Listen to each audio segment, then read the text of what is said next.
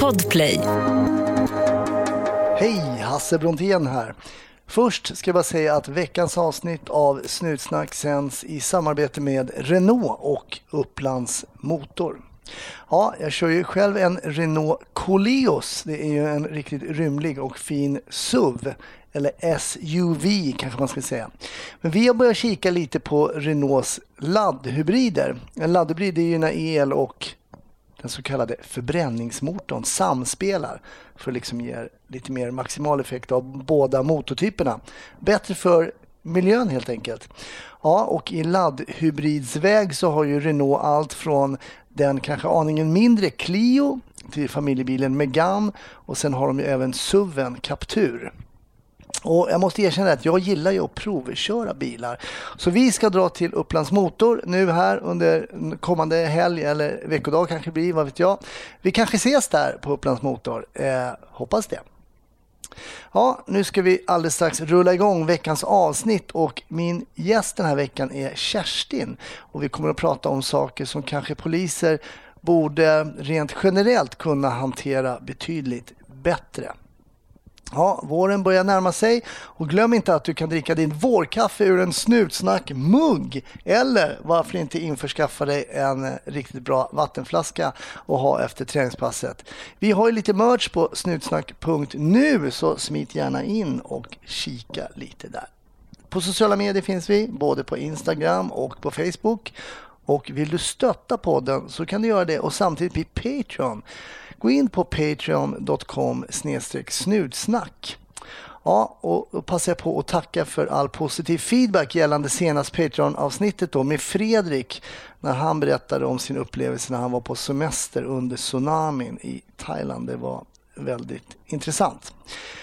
Ja, och skulle du som företagare vara intresserad av ett eh, samarbete med en av Sveriges mest populära intervjupoddar, mm, Tveka inte då utan skriv ett mejl till info.snutsnack@gmail.com. Men nog pladdrat från mig nu här i början. Vi drar igång veckans avsnitt med Kerstin. Var försiktiga där ute och ha en riktigt trevlig lyssning. 1310 1070 kom. 1310 Odengatan kom. Ja, det är uppfattat. Vi tar det. Slut. Bra. Klart slut. Varmt välkommen till Snutsnack Kerstin. Tack snälla du. Hur är läget? Ja men du, det är bra. Riktigt bra faktiskt. Ja. Ja, för vi sitter ju, nu sitter vi i studion och spelar in där och det krispiga, eh, bra ljudet. Men det är ju också liksom en liten så här, det var mer vårkänsla igår i slutet på mars nu men nu är det på gång lite. Mm. ja, det är väl vår det här också då, Ja. tänker jag. Mm. Mm. Så det är kanske är därför man mår lite så här bra i kroppen. Ja. Och vi är ju här. Ja, vi är här! Senast jag såg dig, vi har aldrig träffats förut, men sen jag såg dig, det var faktiskt att du var på Nyhetsmorgon på TV4 Stämmer det? med anledning av att du har skrivit en bok. Jag tänkte vi ska återkomma till den här boken, ska få berätta mer om den såklart. Men Mm. jag skulle vilja veta lite mer vem, eh, vem Kerstin är. Mm. Ja, det är en ganska komplex fråga att svara på sådär. Men, Mm. eh, eh, I sammanhanget här så är det väl så att eh, snut och polis, ja jag blev polis. 1992 började jag polisskolan. Mm. Eh, en ganska krokig väg till polisskolan. Men ett ganska självklart val när jag väl var på plats. Eh, jag har trivts att vara polis, jag tyckte om det. Eh, Mm. Jag passar nog för polisen och polisen som yrke passar bra för mig. Mm.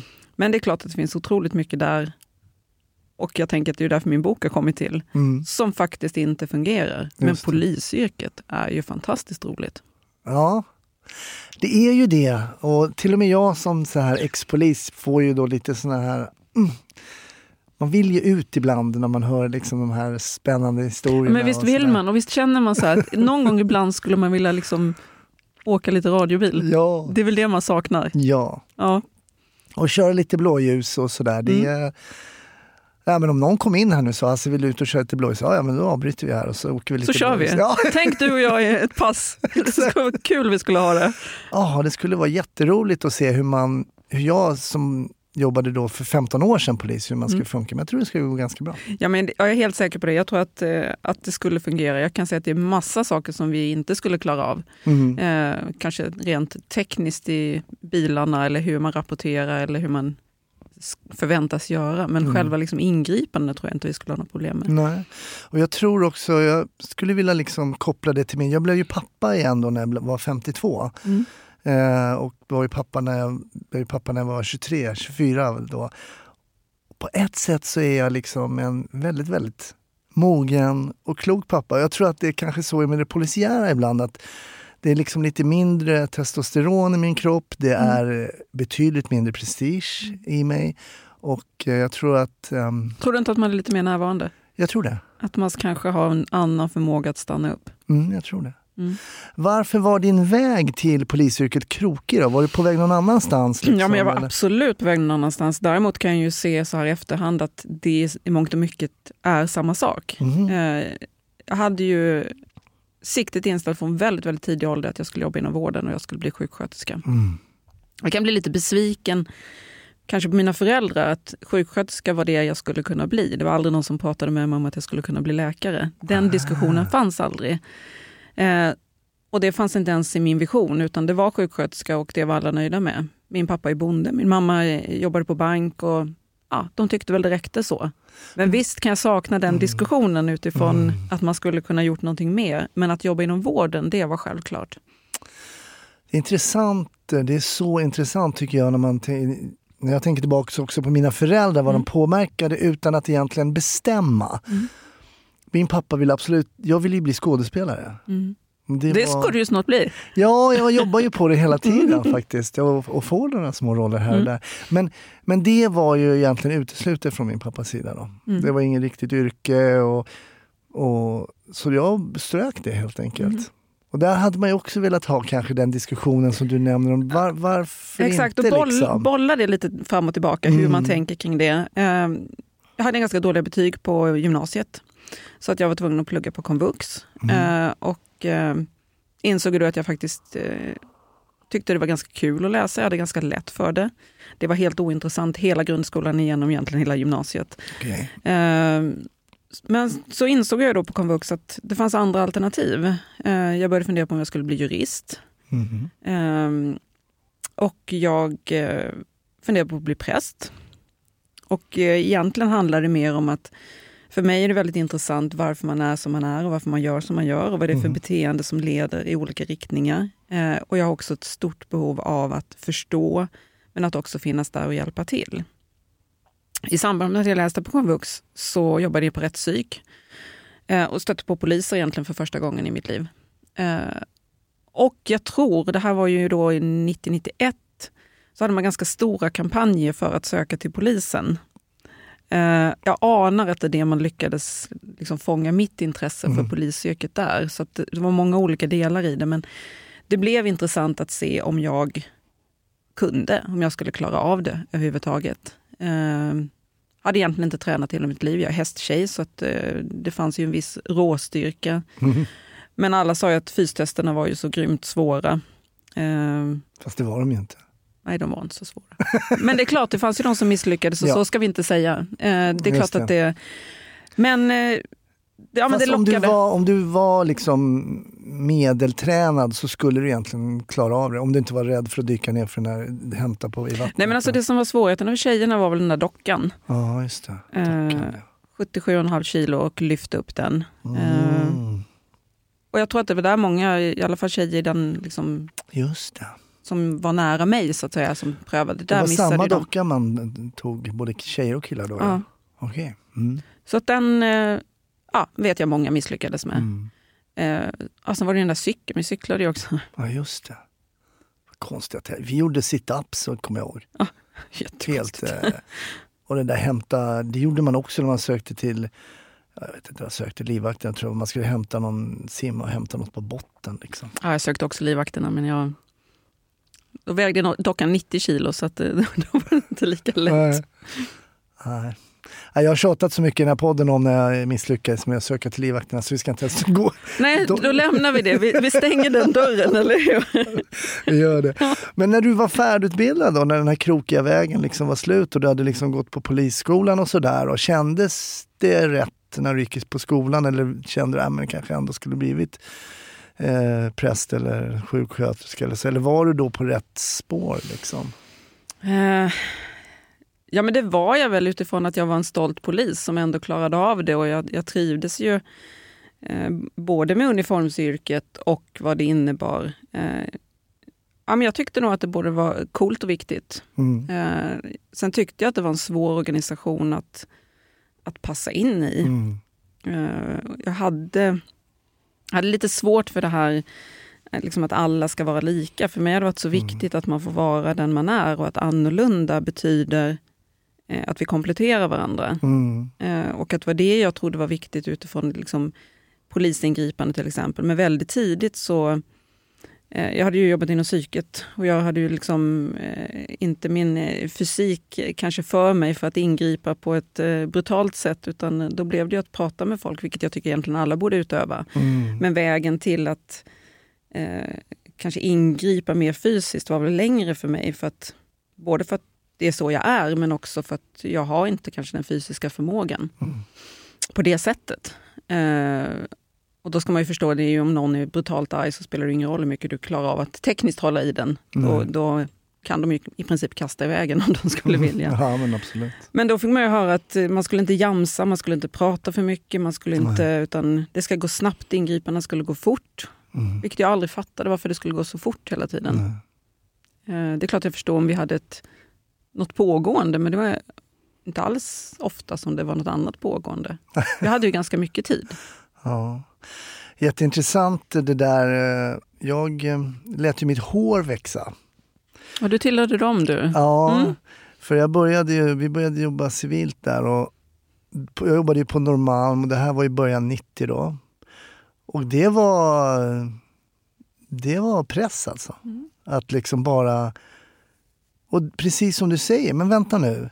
Jag ska jobba civilt, jag ska springa runt på plattan. Är inte ganska smart om jag inte har rakade skallar som ni har på piketen? Är inte det att jag har tänkt till lite grann? Men det var ju mycket, faktiskt, mycket gliringar jag fick. Alltså. Mycket. Vi spelade innebandy och sänkbruden. Och, Absolut, och det där var ju absolut inte liksom okej överhuvudtaget. Just långhåriga killar fick ju mycket skit där Ja. en period.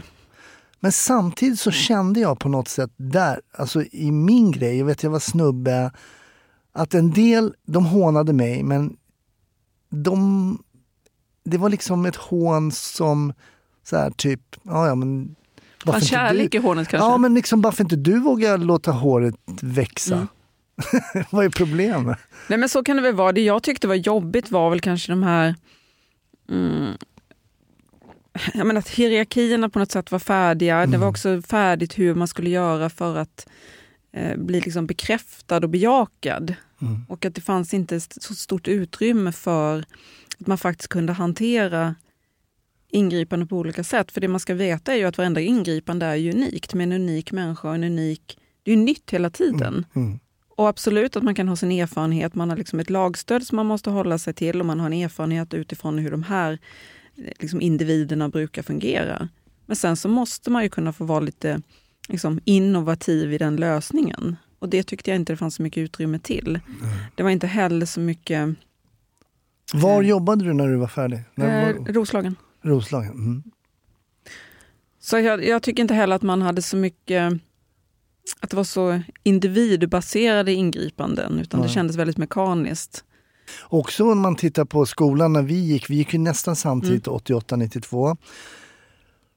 Så handlar det ju väldigt lite just om den biten egentligen. Utan det är mycket lagteknik, så här lagtekniskt. Man har gjort övningar. Ja, vi avbryter övningen. Vad hade du för lagstöd? Nej, men jag, han eh, var så pass berusad så att, ja bra. Men väldigt sällan liksom kanske... Vad kul, för jag nämner just det i min bok, det här att jag saknade den här frågan varför som så ofta hängde i Aha, luften. okej. Att man pratar om liksom, varför blev det så här, varför gör man så, vad finns det för alternativ? Okej. Eh, att man liksom avslutar så fort, man bara är så glad att ett ingripande är över och sen släpper Mm. man det. Ibland var man ju glad över att vissa ingripande var Ja, det kanske man var, men också då hängde ju ännu kanske mer varför kvar Mm. någonstans. Och det, eh, återigen till det här med bråttom, att det kanske inte var så bråttom. Nej. Utan man hade kunnat gjort, och jag menar, det tycker jag ju, det är ju liksom kritisk till i samhället i stort, för vi har en väldigt många myndighetsaktörer som kanske inte ens gör det som förväntas av dem. Och sen så har man ändå mage att peka på någon annan och säga att de inte alls gör vad de ska. Ja. Så vi har ju en gråzon på väldigt, väldigt många håll. Och om man då som inom polisen bara gör precis det som man förväntas göra och inte lite till, då kommer vi ju ha väldigt mycket mm, gråzon. Nu är den stora färgfesten i full gång hos Nordsjö Idé och Design. Du får 30% rabatt på all färg och olja från Nordsjö. Vad du än har på gång där hemma så hjälper vi dig att förverkliga ditt projekt. Välkommen in till din lokala butik. Nordsjö idé och design. Jag slogs extremt lite som polis. Jag tror det, var, det finns två anledningar till det. En anledning är att jag hatar att slåss och då undviker man att slåss. Och det gjorde jag genom att prata. Och sen älskar jag att prata med folk. Och jag tror också att eh, in, ett, vad ska man säga? Vi har varit inne på det tidigare. Jag tror att folk som kommer ut som poliser och beter sig som de tror att en polis ska bete sig, det upptäcks. Du är inte genuin liksom. Men att vara sig själv är ganska lätt. Men om man tror att det inte duger att vara sig själv när du på uniformen utan du försöker vara någon annan så genomskådas man och man tas inte på allvar på samma sätt. Det här är ju liksom min egen tes då va. Ja, för jag säger ju lite emot den, vilket är intressant. För att för mig Alltså, är det lite grann att man... Jag upplever att man tvingas in i någon roll som man förväntas vara eh, ganska tidigt på skolan. Eh, och sen så kanske man liksom bejakar det och blir där och tappar bort sig själv i det ganska fort. Men jag upplever att det är ganska många som eh, inte vågar riktigt vara sig själva, utan går runt och... Liksom, Nej men då tror jag vi talar samma språk. Alltså, det, vikten är ju att vara sig själv. mm. Absolut, men att du ändå måste vara På ett sätt, på ett speciellt sätt som förväntas det. Det är så jag tänker. Mm. Att man, eh, eh, På, på ett visst sätt så tror jag att det ligger lite i det. Och jag tror också att det ligger mer i det när man jobbar i uniform, eh, i turlag på större stationer. Så jag kom ju ganska tidigt till att jobba civilt. Vilket passade mig fantastiskt för att jag trodde inte, vi, vi hade inte riktigt den, den pressen på oss att beskriva Nej, oss som tänker- ordningspoliser. Så nej, säga. och jag tänker det du beskriver lite grann, det är ju också eh, det som man sen ville slå sönder med allt vad man kunde, de här subgrupperna som ändå bildades Mm. där på 90-talet och man Mm. sa att de där får vi inte ha kvar för det Nej. fanns ett hot och en fara. De där grupperna blev så starka och de blev så bra. Mm, Eh, Men det fanns en otrolig tillit och en trygghet i grupperna. mm, Men det var som att andra blev avundsjuka och tänkte att ja, men de har någonting som inte vi har och då är det farligt. mm. Men jag tror att det är det jag liksom efterlyser inom myndigheten i stort. Den här tilliten och den här tryggheten som vi behöver ha alla till mans för att vi ska kunna göra bra ingripande på stan. Mm. För om jag inte är trygg eh, och jag inte riktigt vet hur jag ska vara eller agera i, i olika situationer, då kommer jag inte heller att kunna göra något bra ute på stan. Nej. Och då blir det de här våldsamma ingripande. Då blir det inte de här som du och jag då prata med dem. Utan då gör jag något våldsamt för att jag, är- jag kan inte hantera situationen. Och på min tid var cheferna eh, inte bättre än, än vad de är idag, tror jag. Men eh, vi, det startades upp en liten grupp som heter Citygruppen på Norrmalmspolisen som var, bara skulle patrullera på Plattan. Och det var en ganska liten grupp, vi var väl bara fyra eller sex poliser och vi sökte från samma turlag och det var ett massa tjafs. Hur den var så fick vi de här tjänsterna. Då. Och då fick vi då uppstramning av eh, han hette Hylander, hette han chefen för eh, Norrmalm då. Vi fick inte ha baseballkepsar på oss om vi gick civilt. som att, liksom, att vi blev, Wow, då hände det! som att vi hade blivit en ny baseballliga om vi bara hade satt på oss kepsarna. Liksom. Det fick vi stränga order om. Och eh, han sträckte upp oss om det ena och det andra. Men istället så skulle han gjort som vår chef då, Affe Ärlig, som vi hade som var en nära pension. Han bara, jag litar på er, ni är mina grabbar, sa han alltid. Och vi ville bara göra ett bra jobb och inte bete oss illa eller något sånt där. Men när man fick den här tilliten av chefen. Vi sprang på plattan och han sa, gör Exakt, och det är exakt den som jag... För jag har under flera... Liksom, det var något som var viktigt för mig från början och sen började jag liksom studera det mer och mer. Eh, hur vi förhåller oss till varandra och vad tilliten gör. Och jag bedömer att man har en låg social tillit inom polisen där det finns en rädsla för att inte göra rätt. Mm. Och att man också Mm. vill kopiera en mästare. Om jag vill bli chef så kopierar jag ju den chefen oavsett om det är en bra eller en dålig chef. Och jag kommer också att eh, belönas för att jag beter mig ungefär likadant. För vi vill ju gärna spegla oss i varandra. Och det kommer ju sen när någon, då söks det tjänster och så tittar Exakt. chefen på vilka som söker Ja. tjänster och så ser han den här Ja, som... mm, som ser ungefär likadan ut och som har ett beteende som man kan liksom både känna igen och så tycker vi om personen i fråga för att den ställer sig nära en. Mm, Och då är vi ju snubblande nära vänskapskorruption och annat. mm. Intressant. Eh, Det här kan man ju se inte bara inom Polismyndigheten. Såklart inte. Titta lite på den branschen jag är nu, Mm. liksom i underhållningsbranschen. Det är ju aldrig negativt att känna någon Nej, som har speglat sig lite i dig. exakt.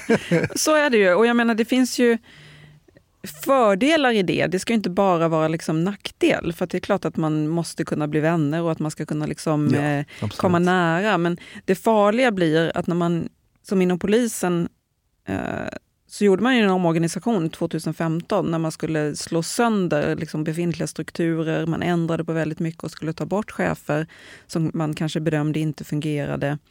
Men sen flyttade man bara om dem geografiskt. Mm. Vilket innebär att all historik finns ju kvar. Mm. Det gör ju också att man håller alltså man har hållhakar på varandra. För jag kan ju inte säga att du inte gör det bra, för då kommer du säga att jag inte var bra. Ja, jäklar. Så det har man ju liksom kvar de här gamla strukturerna. Vi slog inte sönder någonting, vi ändrade lite geografisk indelning. Mm. Men cheferna finns ju kvar. Mångt och mycket finns det ju samma chefer kvar som när du jobbade. Ja, jag, alltså riktigt bra chefer. Jag kan nämna några stycken riktigt bra chefer som jag har haft. Vad kul! Mm. Eh, eh, framförallt en som vi hade på Rave-konventionen som... Eh, vad fan hette han i förnamn? Jag kommer bara ihåg efternamnet. Men, men var otroligt engagerad, otro, otroligt eh, här och nu. Mm. Visste vad du höll på med, vad du gjorde, hur går det och så vidare. och så vidare. Eh, riktigt duktig. Eh, och kände ut, alltså, för att vara chef så var han väldigt down liksom, med, Mm. med gruppen och, och så vidare. och så vidare. Otroligt bra chef. Riktigt, riktigt bra. Hoppas han är kvar som bra chef någonstans. Vad roligt. Mm. Så det finns Så också det är, klart, precis, det är klart att de finns. det finns, det finns bra chefer. Men jag kan också tyvärr nämna en del riktigt dåliga. Mm.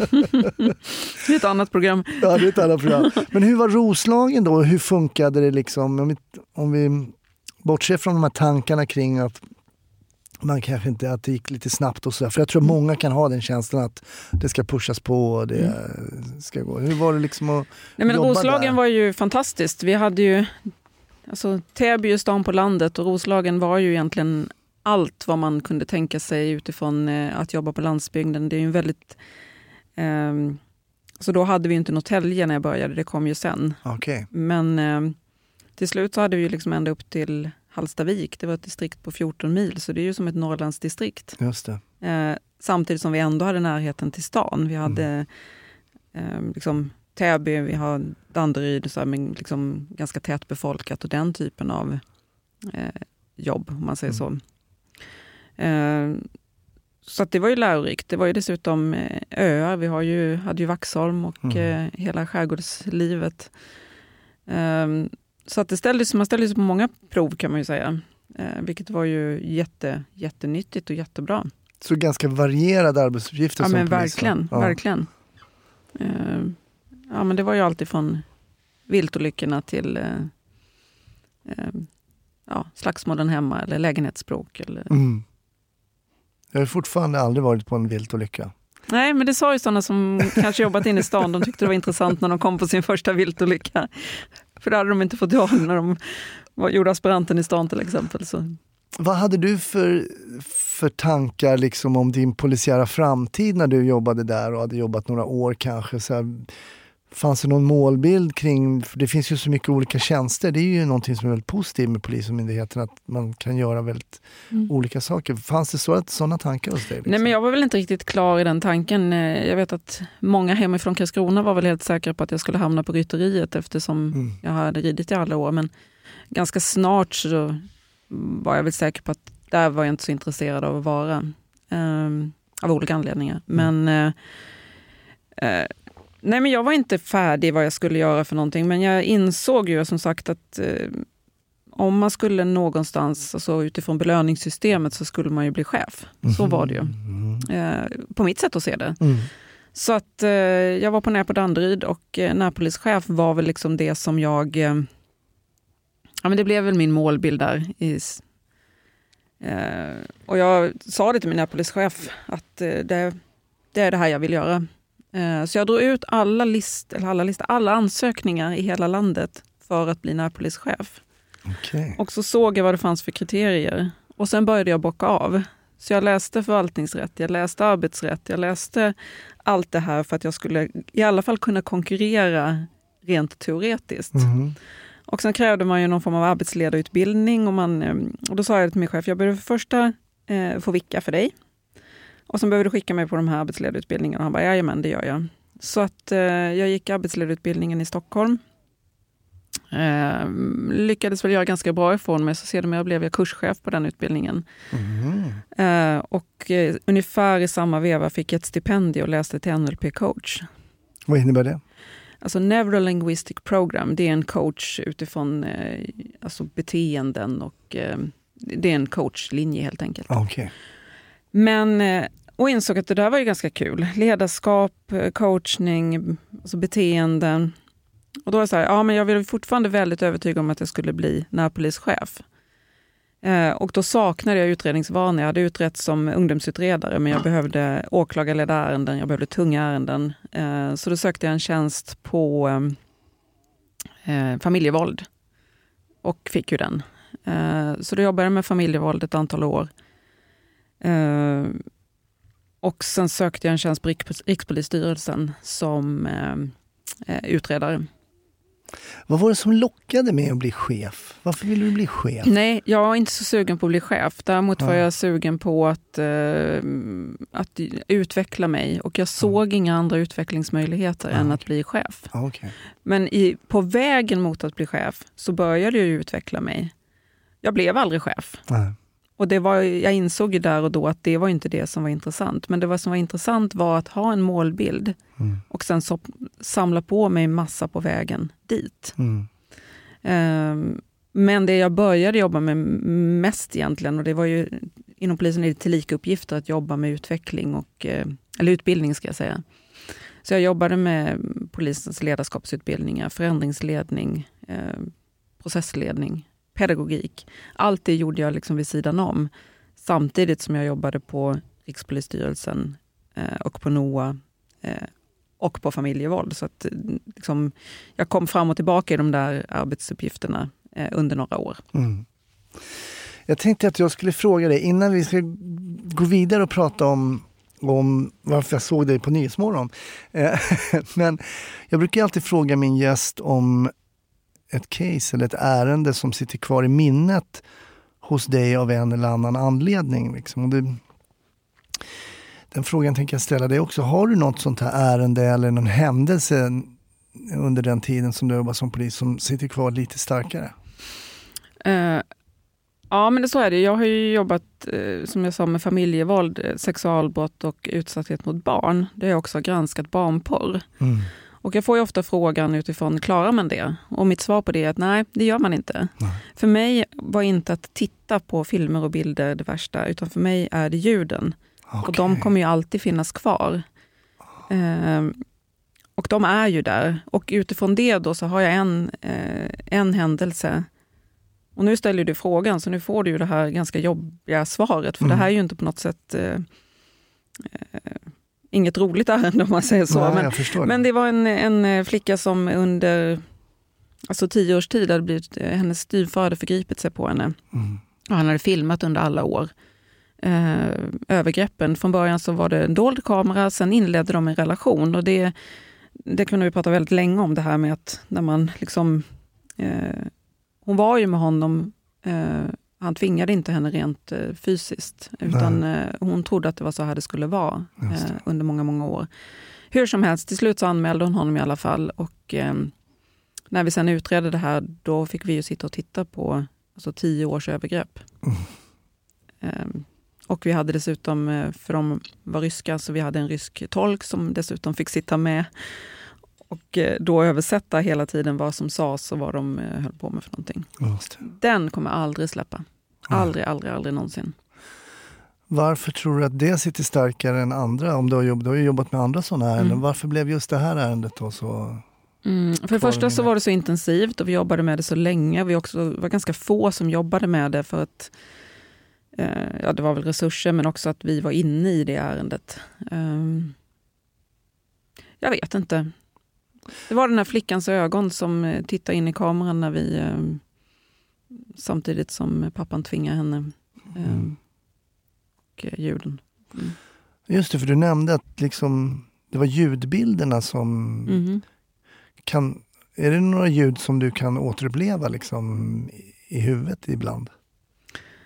Eh, ja men det är klart, de, det är ju liksom, de är ju där. Mm. Eh, och det är ju eh, alltså flickans nej som är de värsta. Men Mm. de har ju varit, vi har ju tittat liksom på där vi inte ens har kunnat identifiera när man utreder sånt här. Om man tömmer till exempel en dator så får man ju också väldigt mycket bilder som vi aldrig har identifierat. Vi vet inte vilka det är. Det är liksom bara ett filmat Mm. material. Mm. Eh, och då är det ju någonstans ute i världen någon som vi inte ens vet vem det är som utsätts för det här. Vi har pratat om den här typen av brottslighet tidigare i podden Mm. och det är så här... Man blir så uppgiven. Mm. Samtidigt så blir jag så här, jag tänker på alla som kallar poliser för grisar och så här. Det kanske man har en, en, ibland en anledning till att göra om man har varit med om någonting, vad vet jag. Men poliser griper såna här också. Det här, det här är det här är bra arbete att göra. Mm. Liksom. Mm. Det här är väldigt, väldigt bra. Ehm, nej men också att vi pratade om att det finns liksom, det finns forskning gjord eh, som visar att så så många procent, jag kommer inte ihåg exakt vad det var, om man har liksom en pedofil läggning. Mm. Eh, och många söker hjälp för det här, alltså inser att det här är inte bra. Eh, jag behöver hjälp och de går kanske till, till läkare och får Mm. psykologhjälp och sådär. Men då menade den här polisen också att vi måste också försöka vara proaktiva. Alltså det, det här kommer att ske om man inte hjälper folk som... Och det, jag blev så, för man blir så arg när man hör det här. Ja, men alltså, jag gick en utbildning för Interpol där det handlar om att jaga de här på nätet. ja. Eh, och då är det ju så, det pågår under många, många år att försöka liksom fånga in de som egentligen bara sitter och chattar och skickar de här bilderna fram och tillbaka, Mm. där man egentligen inte... Liksom, det är ju tillräckligt illa att man eh, diskuterar, man delar bilder, man delar historier, man delar berättelser. Mm. Men där skulle man ju behöva lägga in så mycket mer resurser, för de sitter ju, man, man kan ju liksom hoppa in i de chattarna och chatta med dem. Mm. fick vi göra där på utbildning. Vi fick ju sitta och chatta med dem. Okej. För att kunna liksom, så här, och då ska man ju skapa förtroende och sen ska man eh, bygga upp det för att sen försöka se var de är någonstans. Och, otroligt intressant, men det skulle behövas så många fler som kunde göra det. För Mm. att som sagt, det är ett väldigt tungt och eh, ett arbete som tar tid. Och i och med att, vi har, att det ser ut som det gör i världen idag så är det ju eh, utbildningen var ju tillsammans med FBI och de har ju liksom de har inte hur mycket resurser heller, som helst heller. Nej. Men det krävs ju ett enormt samarbete. Mm. Och ibland känns det som att det är liksom en brunn utan botten. Jag kommer när jag var programledare för Efterlyst så la vi ut någon sån där på en sajt. Liksom, någon, ja, någon ungdomssajt. Liksom. Vi bara hittade på ett namn, Nathalie Mm. 14. Nej men alltså det, vi hade knappt lagt ut det först det kom Ja, mess. precis. Och man blir helt mörkrädd alltså. Man vet ju inte eh, hur man reagerar kring vissa saker som polis. Jag vet det finns en rädsla kanske när man kommer som ung polis. Man har inte sett en, en död människa, man har inte sett det och sen jobbar man med de ärenden som du berättar med barnpornografibrott och sånt där. Och Hur, hur har det varit för dig liksom att på något sätt, man måste ju formas om i det här att titta på sånt här till exempel. Du sa en del frågor, klarar man det? Och då sa jag så här, nej man klarar inte så du. Och på vilket sätt menar du då? Att man Nej, inte men det jag menar är någonstans att säger man att man liksom skulle vänja sig vid det eller tycker det var okej så innebär ju det att alltså då är det ju något som är fel. Det är klart man klarar sig. Men jag blev enormt påverkad för att jag, vi har tre döttrar. Mm. Och eh, under den här perioden så eh, Alltså man blir, eller jag blev i alla fall lite paranoid och konspiratorisk och orolig på ett helt annat sätt Mm. eh, utifrån vad som faktiskt kan hända. Eh, och det var faktiskt min man som sa att nu får du jobba med något annat ett tag. Mm. Eh, och jag tror att eh, alltså jag förändrade kanske lite grann. Jag är ingen arg person och jag, trots allting som jag har sett och allt jag har jobbat med så tror jag fortfarande på goda intentioner och att man gör val utifrån att det är det enda valet man kan ha. Även när man är förövare Mm. så kan man inte bättre än det man då presterar. Eh, man behöver hjälp eller man, eh, och det liksom är min livsfilosofi och jag vill att det ska fortsätta vara så. Och jag kan anta att min man då någonstans började känna att jag eh, kanske svajade i min eh, liksom livsinställning Mm, och tyckte att jag skulle göra något annat ett tag.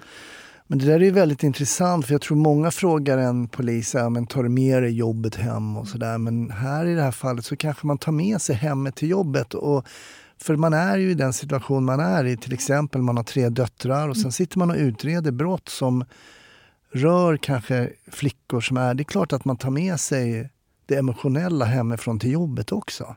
Ja men så är det ju i det här, alltså någonstans tanken som ändå var det att otroligt många ändå blir, det är någon i deras närhet som förgriper sig på dem. Mm. Eller hemma hos någon kompis. Eller liksom, och det är ju där, det går inte att...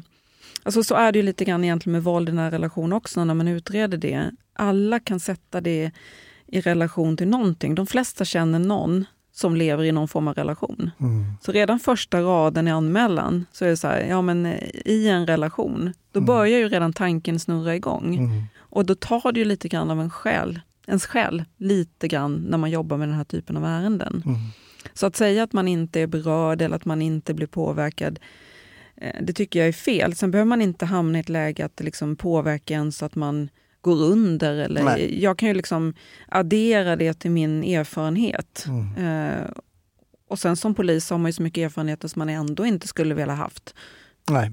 så, det är liksom, så de är ju där ändå, liksom, Ja. i den där banken som man ändå har. Liksom. Väldigt intressant för att det får ju så mycket som du inte vill ha. Liksom. Ja. Men, men det är också, tycker jag också rätt intressant hur mänskligt det är att kunna bearbeta. Oftast om man är frisk och är mogen att bearbeta det också Ja. så, så, så går det att hantera Ja, men också om man har en liksom kanal bra. att bearbeta det, om man har någon möjlighet Mm. att göra det och att man Mm. kan liksom diskutera det. för att Det kan man väl bli lite frustrerad ibland om man, folk slår upp tidningen och tänker att det här är det värsta som har hänt. Mm. Så vet både du och jag att mm, det där var inte det värsta som hade hänt. Nej. Det ser annorlunda ut. Ja, precis.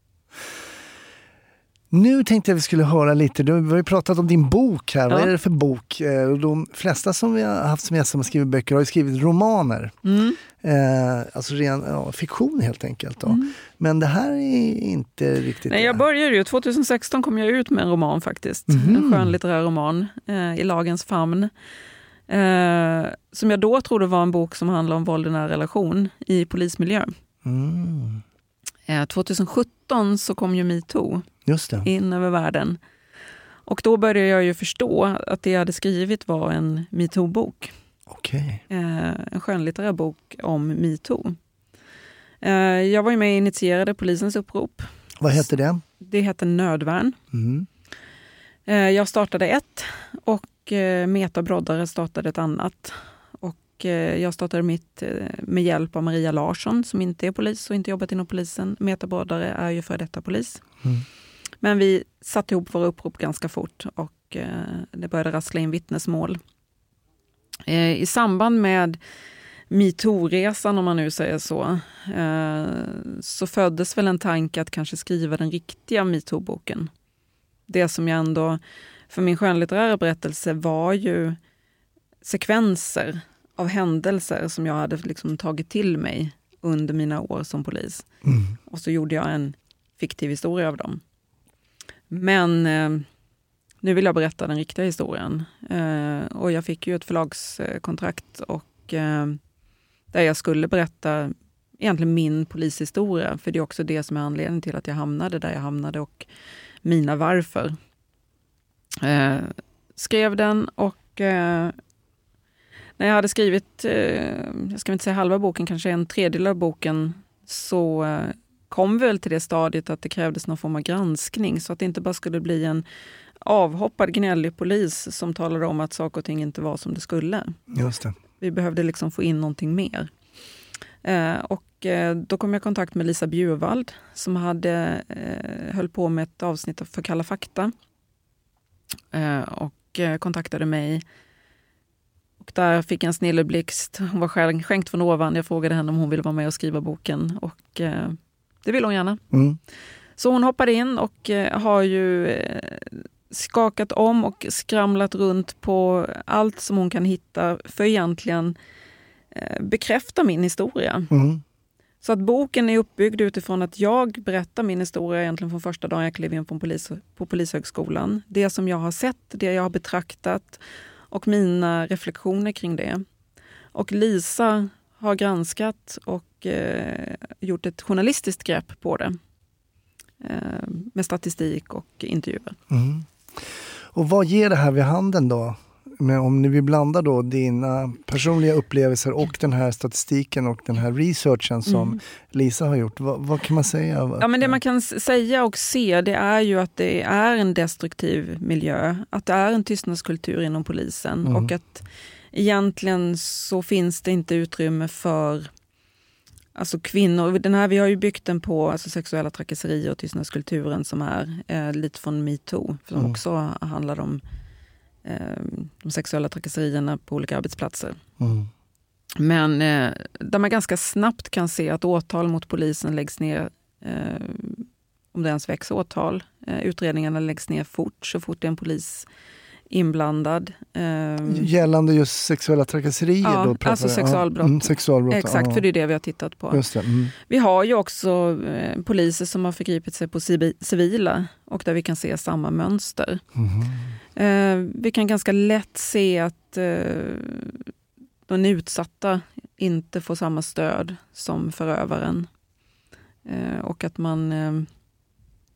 Alltså det finns en bestraffningskultur utifrån om man säger ifrån och beter sig illa. Så, och då är det inte förövaren som har betett sig illa, betett sig illa utan då är det den som har talat om att, att det har hänt ja, någonting. Och då har vi ju hela det här, egentligen om vi tänker sig metoo, så har vi ju allt ifrån liksom, tafsningen på rumpan på julfesten, som inte är okej. Det är ju ett sexuellt ofredande Mm, som mm. i rimlighetens namn skulle ha blivit en utredning. Mhm. Men då stannar det vid att, eh, att chefen antingen bara säger att ja, ja, men det var ju på fyllan och det var på julfesten. Just det. Möjligen i vissa fall så har det blivit någon form av, eh, där förövaren har fått ett litet finger, så aj, aj, så där får du inte göra. Mm. Men om samma person hade stövlat in på polisstationen och sagt att det hade hänt, då hade det ju blivit En utredning. förundersökning. Mm, jag fattar.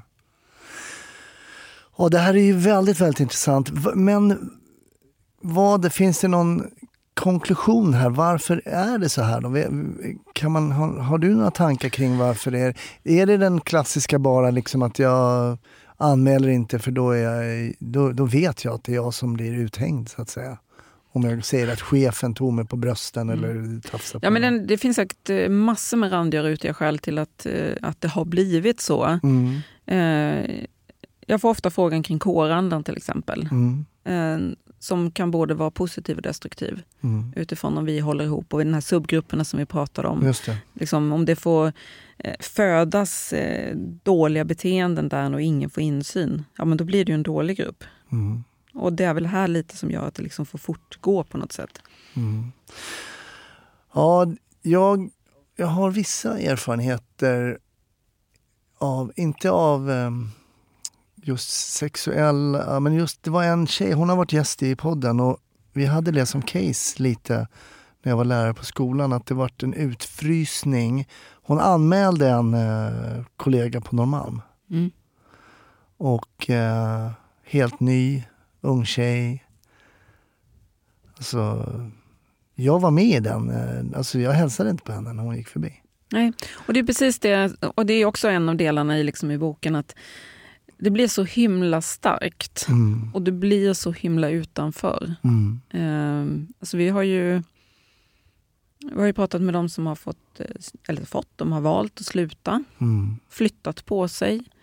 Liksom, och där man inte, det som blir så, så konstigt och så svårt att förstå, det är ju det här att, att det inte gäller samma sak inom polisen som, som utanför polisen. Man, Nej, man utreder liksom själv på något sätt. men det blir något man har form av hyckleri helt Exakt, enkelt. och man har någon Ja. slags förutredning innan man har en utredning. Ja, jag fattar.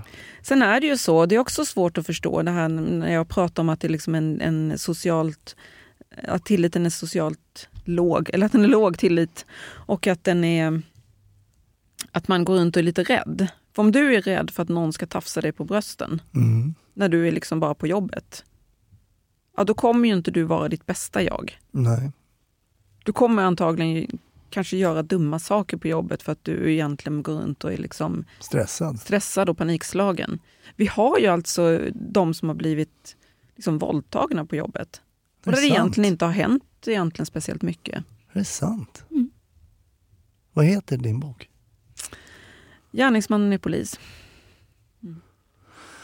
Och att det finns gärningsmän som eh, jobbar som poliser är ju ingen eh, egentligen nyhet. Alltså. Nej. Vi har ju någon form av tvärsnitt och det är, vi har ju riktiga kokon som har blivit poliser. Mm. Som slinker igenom de här egentligen ganska noggranna kan man tycka då ansökningsförfaranden och testerna man ska göra och sådär.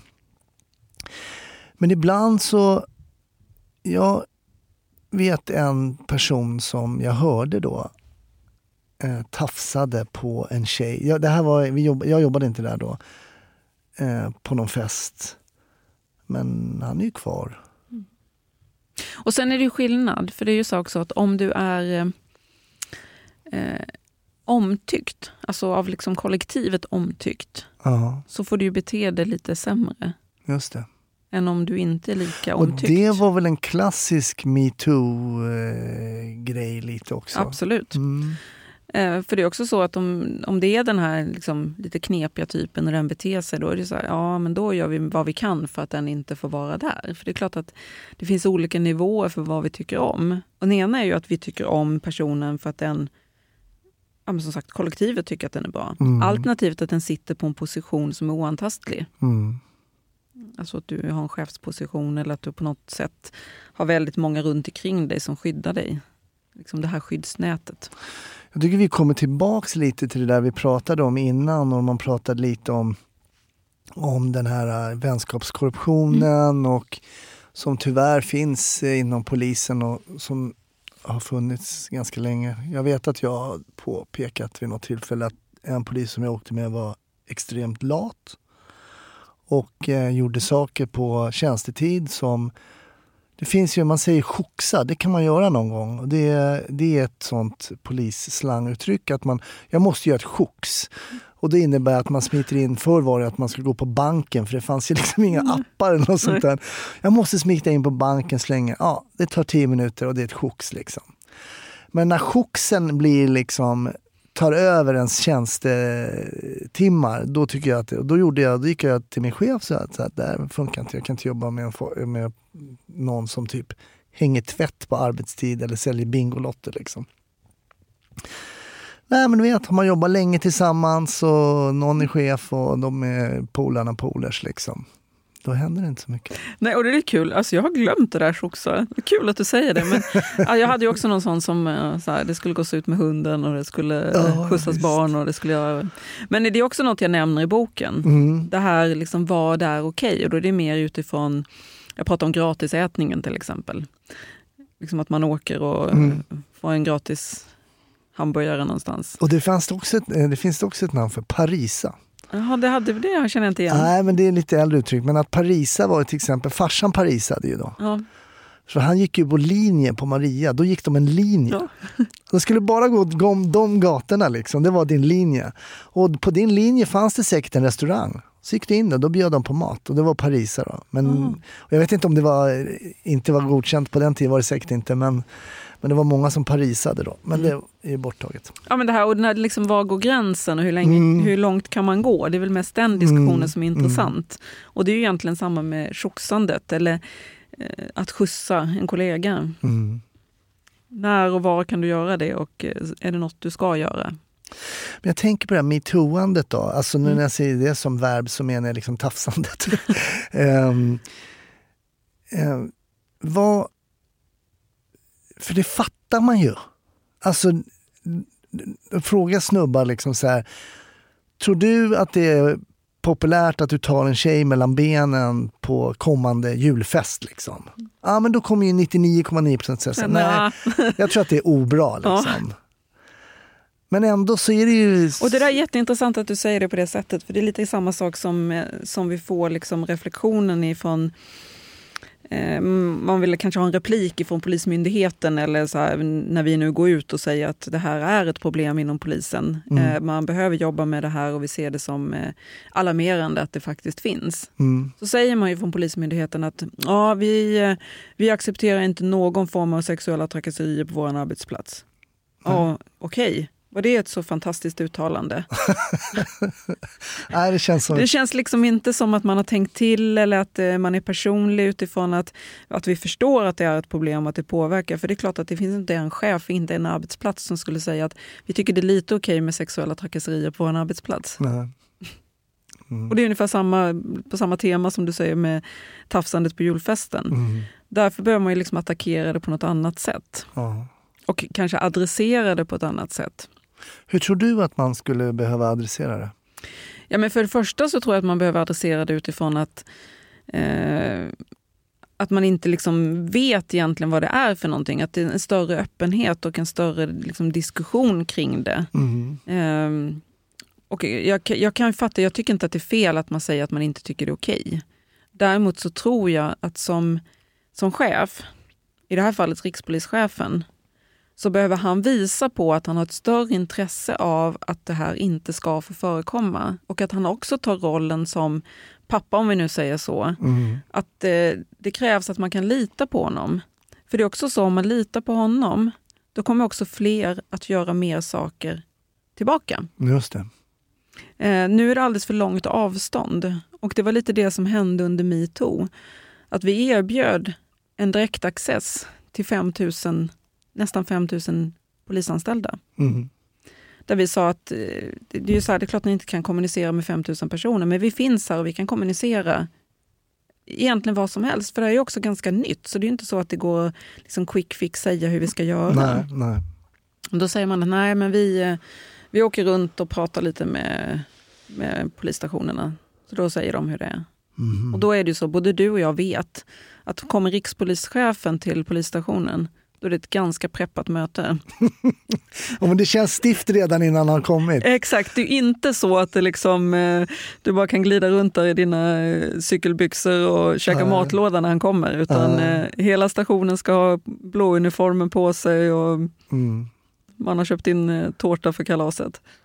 Så det är ju inte så att det liksom, och man skickar gärna fram en, en talare som är vältalig och eh, nyanserad. Mm. Jag tänker på, jag menar jag är ju, jag brukar skoja och säga så här, jag är en väluppfostrad 60-talist. Men jag undrar ibland så här om det här är, jag tänker på de olika generationerna då. då. Eh, de unga poliserna som kommer ut nu, de är ju liksom Ja, men de är ju 90-talister och några snart är ju 00 liksom. Eller de kanske de redan är. Ja, jo, det borde de nog vara. Ja. ja. Åh herregud vad tiden går. Tror du att det ligger sk- skillnader i våra generationer hur vi beter oss? Jag tror att man alltid haft de diskussionerna. Så att Mm. de före dig och mig, hade det poddats för 30 år sedan så hade de suttit och sagt så också. Mm. Ehm, och det jag kanske kan... Jag hoppas väl att det finns en större öppenhet och en större benägenhet att prata om det. Vilket, vi pratar ju om mycket, mycket mer saker än vad vi gjorde. Exakt, till exempel som våra föräldrar som inte pratade ens om vilket yrke vi skulle ha. Så det är Nej, klart att vi pratar precis. mycket mer. Men eh, i samband med metoo så var ett kanadensiskt tv-team här i Sverige Mm. eh, och pratade just om jämställdhet. För att jäm- Sverige skulle ju vara ett så jämställt land. Ja. Men det man egentligen liksom kan konstatera det är ju att vi är bra på att prata om det. Mm. Eh, vi har också mycket ord för det. Vi är också väldigt liksom, eh, eh, verbala kring just Men ämnet vi i älskar väl att visa upp oss som också de, det goda exemplet. Exakt. Liksom. Ja. Sen börjar man gräva i det så kanske det inte alls ser riktigt likadant ut. Det jag tror, eh, utifrån generationer sett, så tror jag att det är klart, ju mer man öppnar upp och faktiskt talar om att det finns och man har möjlighet att diskutera det, så kommer det att liksom välta över så småningom. Men jag tror inte vi är där än. Eh, Men jag hoppas att man, eh, alltså jag tror att metoo absolut ändå har gett, eller jag vill tro att det har gett möjlighet till att säga ifrån.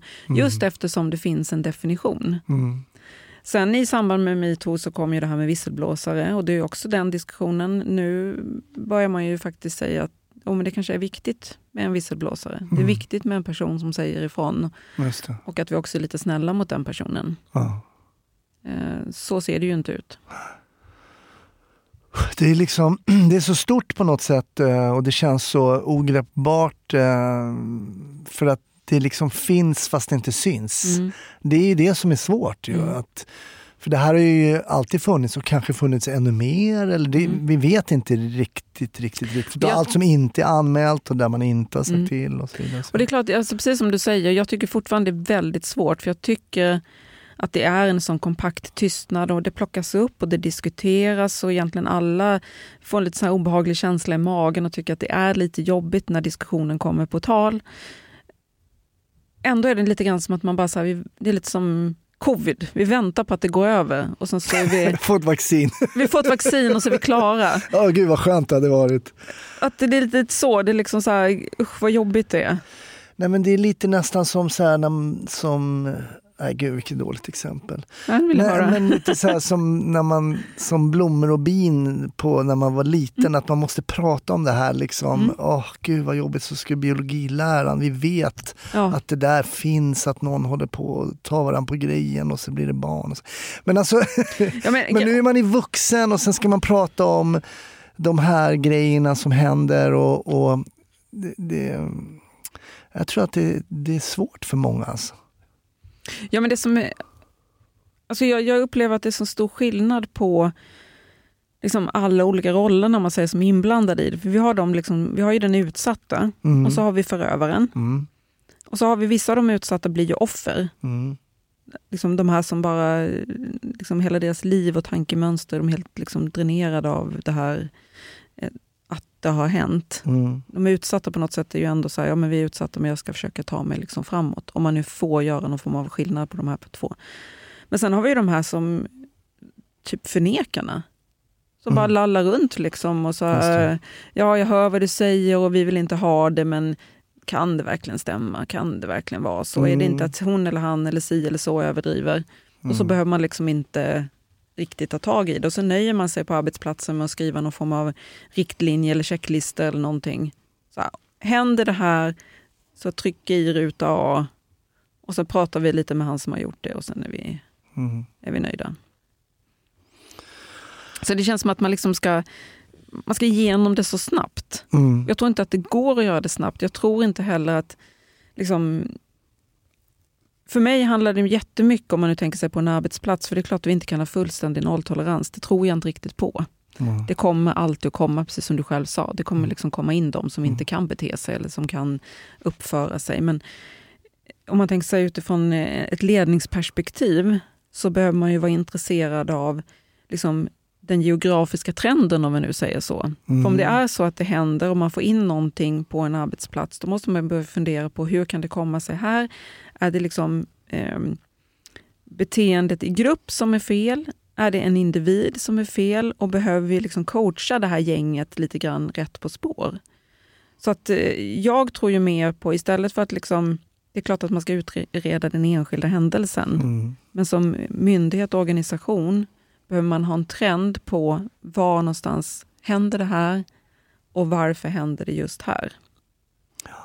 Och Den bevakningen behöver ju vara. Den kan ju liksom flytta sig på i landet. För det är också så att Jag tycker också att man har ett ansvar för förövaren. För det är inte så att man bara kan flytta bort förövaren. Nej. För den personen kommer ju då flyttas någon annanstans. Och kan han inte uppföra sig, då behöver han ju hjälp att uppföra sig. Mm. Och då har man det ansvaret också. Sen är det så svårt tycker jag, för det är så här.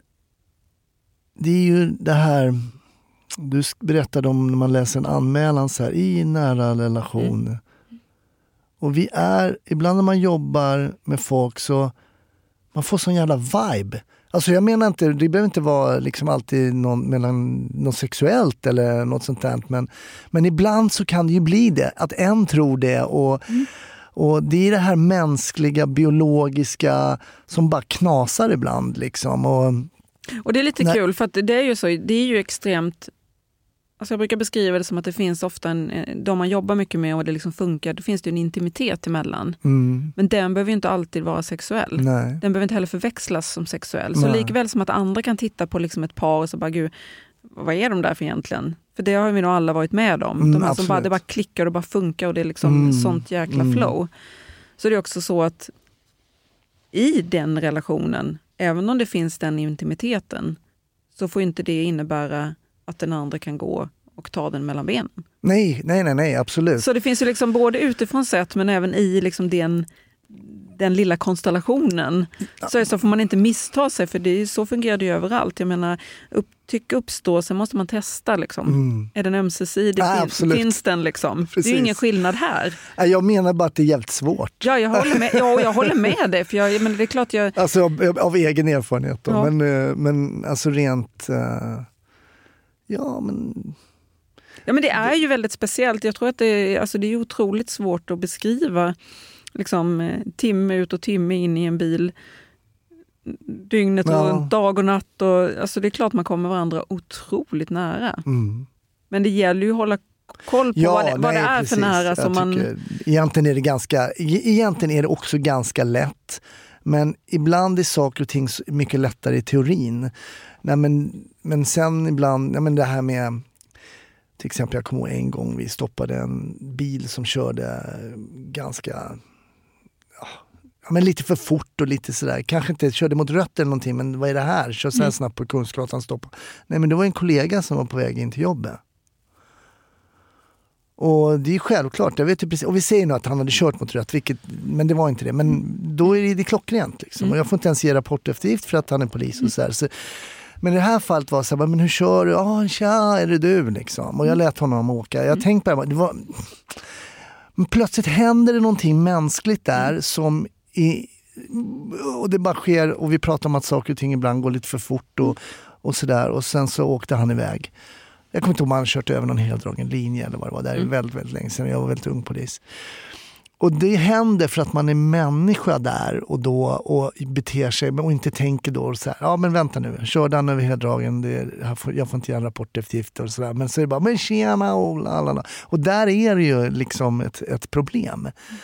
Ehm, ja, och det är inte, jag menar, det behöver inte vara en enkelt. Man behöver inte säga att det ska Nej, vara enkelt. nej, nej, Däremot så är det inte. sånt som måste liksom diskuteras, Ja. alltså som måste lyftas upp på något sätt. Jag, hade, ett- jag berättade ett case om en riktigt dålig polis när jag var ju lärare två år på Mm. polisskolan och, och en, en polis som gjorde ett jävligt dåligt ingripande. Och jag frågade vad, de, vad, man, vad jag tyckte att man skulle göra med den här polisen. Ja men avsked var väl egentligen, tyckte alla. Och sen berättade jag att det var jag som hade gjort det här ingripandet. Mm. Det var inget, eh, det var ett dåligt ingripande.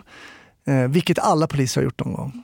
Eh, och jag tror att de blev ganska förvånade över att jag hade gjort ett så pass dåligt ingripande. Men eh, det var nyttigt också tror jag. Mm. Att, ehm, och sen gör vi, ibland gör vi ehm, fel. Och vi har haft eh, exempel i podden också, poliser som har berättat om riktigt dåliga ingripanden som eh, blev fel. Mm. Menar, Och det- alltså, det är väl klart att det är mänskligt, och, men vissa saker kan inte bli fel. För jag menar, nu håller vi på att glida lite isär. Att ta någon mellan benen kan ju inte bara råka bli så. Nej, nej, nej. Så där måste man vara väldigt tydlig. Det kan inte bara råka bli så att jag liksom sexuellt förgriper mig eller trakasserar någon. nej. Eh, och det är ju liksom lite där det slirar någonstans, att om man tillåter en viss typ, var går gränsen för vad som är tillåtet Mm. utifrån liksom, Ja, men det, då är vi lite grann inne på liksom julfesten. Ja, okej, är det okej att göra det för att du har druckit väldigt mycket alkohol? Mm. För du hade inte gjort det om du inte hade druckit Ja. alkoholen. Men för ut, den utsatte så är det ju liksom, spelar det ingen roll om du var packad eller opackad. Jag tycker det var väldigt intressant det du nämnde om att hur pass allmän populär man är. liksom. För att det är ju så här, men vadå? Hur skön, hur bra stämning sprider inte den snubben? Och hur, han är ju så nice för övrigt och det kan ju, ja. Och det är verkligen sant. Också ifrågasättandet där, för det var ju lite som vi också sa liksom, när vi lämnade över alla de här nödvärnsberättelserna till rikspolischefen. Mm. Så var det ju lite grann så här att, och då var det Dan Eliasson, det var inte Anders. utan Nej. Alltså det här kan ju vara någon du tycker väldigt, väldigt mycket om. Som är förövaren. Mm. Någon som du har väldigt, väldigt nära dig. Mm. För det kan det. vara en person som jag också tycker väldigt mycket om. Absolut. Men kan man inte bete sig så måste det få konsekvenser. Det kanske måste liksom rulla lite i huvuden. Det måste göra lite ont om du inte kan uppföra dig. Även om jag tycker om personen i fråga. Mm. Och den blir så viktig att förstå det. För det går inte så här, och då sa han så här, ja, ja, men jag har koll på min grupp, säger han. Och så typ liksom gjorde man gestikulerade med armarna. Och så här, ja, fast om alla säger så. Ja, det är någon annan, det är inte i min grupp. Ja, men vem är det då? då? Mm. Men det är de kraven vi ställer också på våra poliser när vi säger så här. Det kan vara lite um, en, en konstruerad situation kanske när man är på intervju. Jag vet inte, de gör säkert bättre än det i mitt exempel som kommer nu. Men det kan vara så här, om du ser din granne, han låter sin son köra in bilen eh, i garaget varje dag. Men sonen är ju bara 16 år. Han har ingen körkort. Vad gör du då? Ja, eh, jag vet ju att eh, han- ja, men du känner din granne. Ni är väldigt bra kompisar och ni spelar liksom tennis två gånger i veckan. Nej, men jag kommer absolut eh, säga att eh, det här är, det, så får man inte göra. Nej, men han skiter i det. Han säger att eh, han ska ändå börja övningsköra här om något år. Och så. Ah, men då kommer jag anmäla det här. Eh, jag kommer anmäla, jag kommer göra en polisanmälan. Och man, du vet ju precis vad du ska säga på den här intervjun. Såklart. Och det är ju precis här vi är sen. Det vi krävde av dig då på intervjun, så att säga, men nu snäpper vi upp det ett steg till. Nu är du på jobbet. Liksom. Man tycker att man borde kunna klara av det. Och det är ju, jag tänker ju liksom att det där etiska, för det är ju både ett juridiskt och etiskt dilemma som man hamnar inför, men också behöva liksom, det behöver man ju fundera på. Det behöver man traggla mycket, mycket mer. Jag mm, hade väl också någon sån där på intervjun, jag kan inte riktigt komma ihåg, men det var någon frågeställning liksom man skulle ställas inför. Mm. Men jag kan inte uppleva att vi någon gång pratade om det på polisskolan. Där har det ju ändå blivit liksom bättre, att man för de här diskussionerna på ett annat sätt. Så det är väl en fördel, men de etiska dilemmana, de pratade vi ju inte om då. Nej. Nej, men vi körde, när jag, i alla fall när jag var lärare där, så Ja. körde vi den här etiska. Ja, men det är då- bra att höra. Och, då, och det caset som jag berättade, det var just att jag inte anmälde en kollega för eh, ett brott. Mm. Eh, och ja, ja, det är en helt annan historia. Men i alla fall, det, det, det var då. Mm. Men eh, det- var i alla fall väldigt intressant att och, och sätta den tank, de tankarna i blivande polisens huvud. Att det här är också som du säger både ett, liksom ett, lagtekniskt och ett etiskt problem. För det är då som det blir trubbel i, lite i våra huvuden. Och det är därför som jag tror att det här är lite knixigt. Ja, Kerstin, det här är så, det är så spännande eh, att höra här och eh, jag ska läsa din bok också. Ska Det är jag klart göra. du ska. Mm. Båda kanske. Ja, kanske ska sträcka mig så långt och läsa båda. Eh, jag tänkte att vi skulle prata lite mer om det här i Patreon-avsnittet. Mm. Men eh, innan vi lämnar lyssnarna här i det här avsnittet så tänkte jag att vi skulle givetvis runda av med lite polisfilm. Spännande. Eh, hur, hur ser du, du som ändå har varit många år i yrket, liksom, eh, när du kollar på polisfilmer? Ja, jag är en, en dålig eh, representant för polisfilmer. Jag tittar sällan på polisfilmer, Ja, jag läser sällan eh, polisböcker. Eh, Du skriver dem bara? jag skriver dem bara. Eh, nej men alltså jag, jag tycker om att titta på svenska Mm. polisserier. Fast det kanske är där man ser de flesta liksom, tabbarna. Ja men det kanske man gör. Jag försöker ändå kanske att bortse från det. Jag är inte superkritisk när jag tittar på dem. Nej. Utan jag tycker att det är liksom historien som man ändå kan känna igen. Kanske man inte alltid kan känna igen om man ser en amerikansk eller ser någon annan. Utan det finns ju det finns otroligt mycket igenkänning där också. Och försöker att inte vara så kritisk. Jag förstår att det är för tittarens skull. och Jag förstår att det är Mm. filmiskt kanske inte möjligt att göra vissa saker. Sen vet jag, jag menar många har ju polisrådgivare och det kan man se ibland och kanske inte ibland. Så jag ska inte säga att jag inte har tittat på några men eh, jag tycker att de sves- alltså flesta svenska ändå är helt Och om du okej. skulle tipsa om någonting som du tycker är lite extra... Ja, men jag tycker om Beck-filmerna. Mm. Då kör vi det. Beck. Stort tack Kerstin. Vi har varit inne på eh, ett ämne som är väldigt, väldigt stort. Eh, men också väldigt spännande och intressant och det ska bli kul, ja, citat och kul, men i alla fall se utvecklingen, se om, eh, Om det blir någon utveckling. om det blir någon utveckling. Vilket jag hoppas och tror att det blir. Men som sagt, vi, vi pratar lite, lite vidare i Ja. ja. Patreon-avsnittet. Yes. Tack! Tack snälla.